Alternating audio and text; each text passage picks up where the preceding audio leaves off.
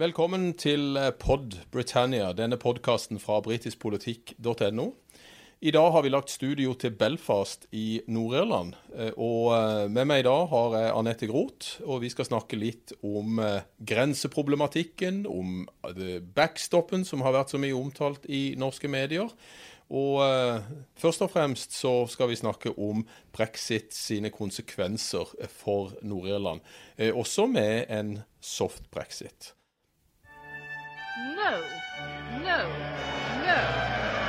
What we are asking is for a very large amount of our own money back. The choice is in your hands.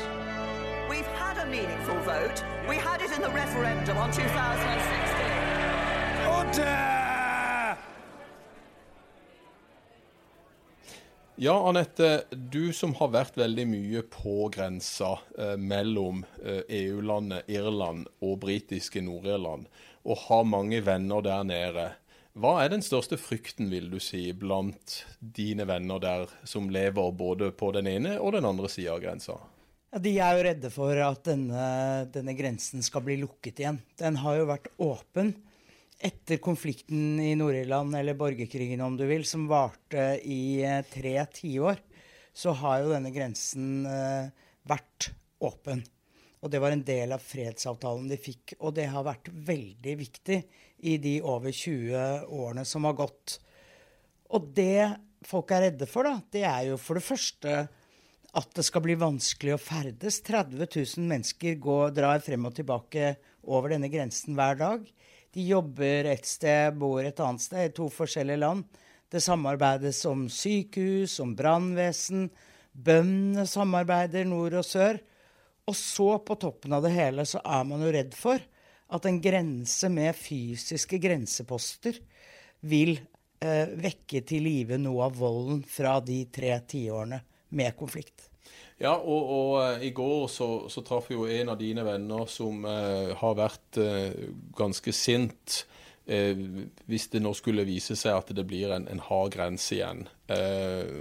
Og, og, han sa det at han ville, han ville, dra og rive ned disse grensepostene hvis dette kom opp. Rett og slett fordi at det vil ødelegge så mange businesser og forretninger. Og, og ikke bare det statlige samarbeidet holdt jeg på å si mellom Irland og Storbritannia, men, men små forretnings, eh, forretningsideer og forretninger som allerede, altså businesser som allerede er i drift. Ja, Det hører jo med til historien at Donald McDonald som du snakker om, han er 65 år gammel og en businessmann. Og han har jo sett sin business bli ødelagt allerede. Fordi at uh, under det som uh, litt uh, pent kalles the troubles, altså konflikten i Nord-Irland, så ble jo hans lille by, som ligger rett sør for grensen, i grevskapet Monaghan i Irland, den ble jo nærmest hermetisk stengt for alle kundene de hadde i Nord-Irland. Og det var 75% av omsetningen deres. Så det sier seg selv at da ble den forretningen eh, ødelagt.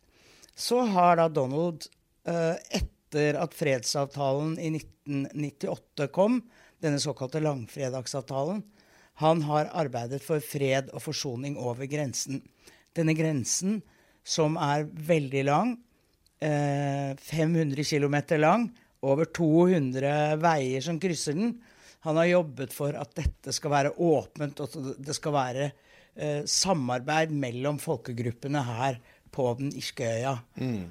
Og da brexit var et faktum, så begynte jo han omtrent å grine. Fordi at han så jo at mye av det arbeidet de har gjort, kan bli helt ødelagt. Og han er jo ikke den eneste det er klart at for britene så er brexit eh, kan, kan, være ødeleggende. Men også irene her i Nord-Irland spesielt har mye å miste.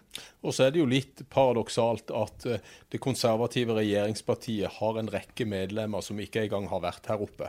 De har rett og slett egentlig ikke peiling på hva konsekvensene av en hard grense kan bli. Nei, og det er jo derfor uh, dette spørsmålet ble så viktig nå i brexit-prosessen. Fordi at de har ikke brukt så veldig mye tid på det, mens Irland på den andre siden, altså republikken Irland, ihuga EU-land, har vært veldig opptatt av at det er ikke tale om at den grensen skal bli stengt igjen. Ja, og jeg må, jeg må jo si at jeg syns det var veldig interessant da vi gikk over grensa i dag. Eh, og eh, kryssa denne elva som, som, var grenseovergangen der vi var. Eh, og du merker ingenting, selvfølgelig. Alt er åpent. Tungtransporten kjører gjennom varer på kryss og tvers. Eh, og eh, vi gikk da fra republikken til Storbritannia, og det eneste du egentlig ser, er at nettverket på telefonen din eh, switcher fra Irland til UK. Så, så, dette her er jo noe som kommer til å bli veldig veldig vanskelig hvis det nå skulle bli en, en fysisk grense. Og det kan det godt bli. I går hadde vi avstemninger i Underhuset på åtte alternative brexit-veier. og ingen fikk flertall. Eh, Michel Barnier sier i kveld at eh, de nå forbereder de andre 27 EU-landene på en no deal. Det vil altså si at vi kan ikke unngå en hard grense eh, på denne grensa som vi har vært i dag, eh, hvis det blir en hard, deal, eh, en, en hard grense og en, en, no deal. Nå har det jo vært skrevet veldig mye i, i norske medier om denne backstoppen. Og, og, kanskje vi kan si at denne backstoppen har fått litt overdreven plass. For det er jo en reserveløsning som eventuelt sparker inn hvis EU og Storbritannia ikke blir enige om en avtale? Jo, men det er jo ingen som helt skjønner hva det er. Eh, fordi at det skulle være en garantiordning for at denne grensen mellom Irland og Nord-Irland skulle være sømløs, uansett hva som skjer. Og de har jo prøvd en masse forskjellige løsninger. Det har vært eh, elektronisk overvåkning, det har vært kameraer, det har vært alt mulig. Men de har jo ikke funnet ut hvordan de skal få holdt denne grensen åpen hvis det ikke blir noen avtale. Og de kaller det the backstop og kaller det en garantiordning. Men jeg skjønner jo ikke helt hvordan de skal klare å holde den grensen åpen hvis de krasjer ut av EU uten en avtale. Nei, da kan ikke noen egentlig se for seg at eh, de kan holde denne grensa åpen. For da blir dette EUs yttergrense. Eh, og da sier EU-regelverket at eh, hvis ikke Storbritannia eller bare Nord-Irland, som en fjerdedel av Storbritannia, er med i en tollunion, ja, da må det bli en hard grense. Og hvis vi nå nærmer oss en hard brexit, hvis nå avtalen til Teresa May, som splittes opp for avstemning i, i morgen, eh, fredag 27, 29., egentlig er brexit-datoen, eh, ja, så, så, er vi jo nærmere da for da en, en hard grense. Og da er det jo ikke noe sjanse for at den grensen kan være åpen hvis man ikke blir med i en tollunion. Men det som da kommer til å skje, det er jo at uh, du får fysiske installasjoner. Ja. Og som vi snakket om, Donald McDonald sa at han ville gå løs på dem. ja. Og det fins jo en del langt voldeligere folk enn Donald som ville være villig til det. Og det er klart at det er jo en del av det de er redde for her. At denne volden skal blusse opp. Det er bare noen uker siden at det gikk av en bilbombe i Derry som en, en gruppe som kalte seg det nye IRA, New IRA, eh, tok på seg skylda for. Ja. Eh, heldigvis så ble ingen skadd i det bombeangrepet, men det sier noe om uh, hvilke følelser som er i sving her, fordi freden, til tross for at det har gått 21 år, så er den uh, veldig skjør. Mm. Uh, og politiet her, politiet i Nord-Irland sier at vi kan ikke passe på den grensen. Alle de 200 pluss veiene som går over 150 km grense. Så det er jo også en stor redsel. Ja, det er det. Og det virker jo helt usannsynlig når vi sto på grensa i dag og så denne ferdselen eh, over den lille veien vi var på, at, at dette kan lukkes og stenges, og at man skal få opp disse bildene fra uh, The Troubles, altså den 30 år lange borgerkrigen i Nord-Irland.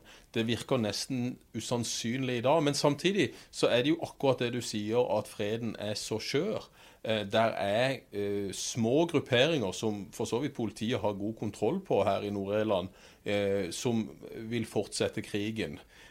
men de er så små nå Eh, frykten er jo at dette skal bre seg som et slags sinne gjennom befolkningen hvis når denne grensa blir lukka. Jeg tror aldri vi kommer tilbake til uh, situasjonen under Troubles.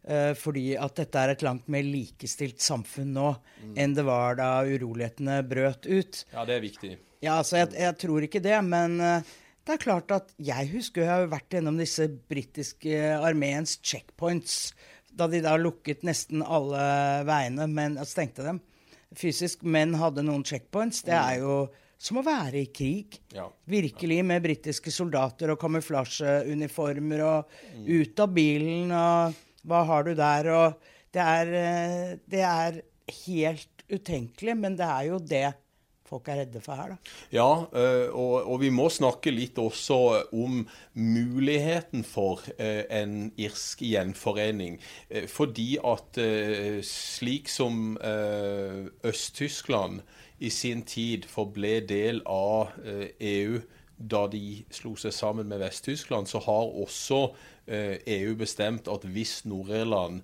gjenforenes med Irland, så vil Nord-Irland forbli i EU. Eh, og så var det jo et flertall her i Nord-Irland som stemte for å forbli i EU. Tror vi det, Anette, at det vil komme en folkeavstemning, enten en såkalt border poll, eller at det blir en folkeavstemning i Nord-Irland og Irland som eventuelt kan føre til gjenforening? Det er iallfall ikke utenkelig, fordi eh, det er noe av det jeg hører aller mest her eh, de siste gangene jeg har vært her. Og det gjelder faktisk både nasjonalister, katolske nasjonalister, som jo ønsker en gjenforening med Irland i utgangspunktet, men også f.eks. en protestantisk forretningsmann jeg traff, som mente det samme. Og han brukte pengeargumentet og sa at det vil lønne seg for oss å være i et forent Irland i stedet for å være i et Storbritannia hvor vi på en måte blir behandlet annerledes og ikke er med i EU. Så utenkelig er det ikke. Men som du sa, det må folkeavstemninger til. En her i nord og en sør i Irland. Dette står i langfredagsavtalen. Men det kan fort skje, det. Ja, det kan det. Og jeg tenker jo også på dette økonomiske argumentet som er blitt sterkere og sterkere eh, siden 1998 og undertegning av langfredagsavtalen og etter St. Andrews-avtalen i 2006, som på en måte etablerte eh, det desentraliserte folkestyret her i Nord-Irland, som for så vidt ligger på is akkurat nå, så, så det skal vi ikke gå inn på i denne podkasten. Men, men, dette økonomiske argumentet er jo blitt sterkere og sterkere. Hun har overtatt litt for dette sekteriske argumentet med protestanter, unionister, katolikker, nasjonalister. Fordi at nå er det også, som du sier, flere unionister og protestanter som ser at iallfall hvis det blir en hard grense, hvis den blir lukka pga. brexit, så er jeg nokså sikker på at det ville være et flertall også blant unionistene for en gjenforening med Irland. Rett og slett fordi at det økonomiske argumentet er mye viktigere enn noen gang. Og så har du et moment til, og det er at demografien her i Nord-Irland forandrer seg. Ja. Da Nord-Irland eh, ble opprettet eh, med et pennestrøk eh, i Altså da, da øya ble delt i 1921 så var det jo sånn at uh, her i Nord-Irland var det en tredjedel katolikker og to tredjedeler protestanter som jo tok makten og beholdt den, og det var grunnlaget for det som senere ble The Troubles.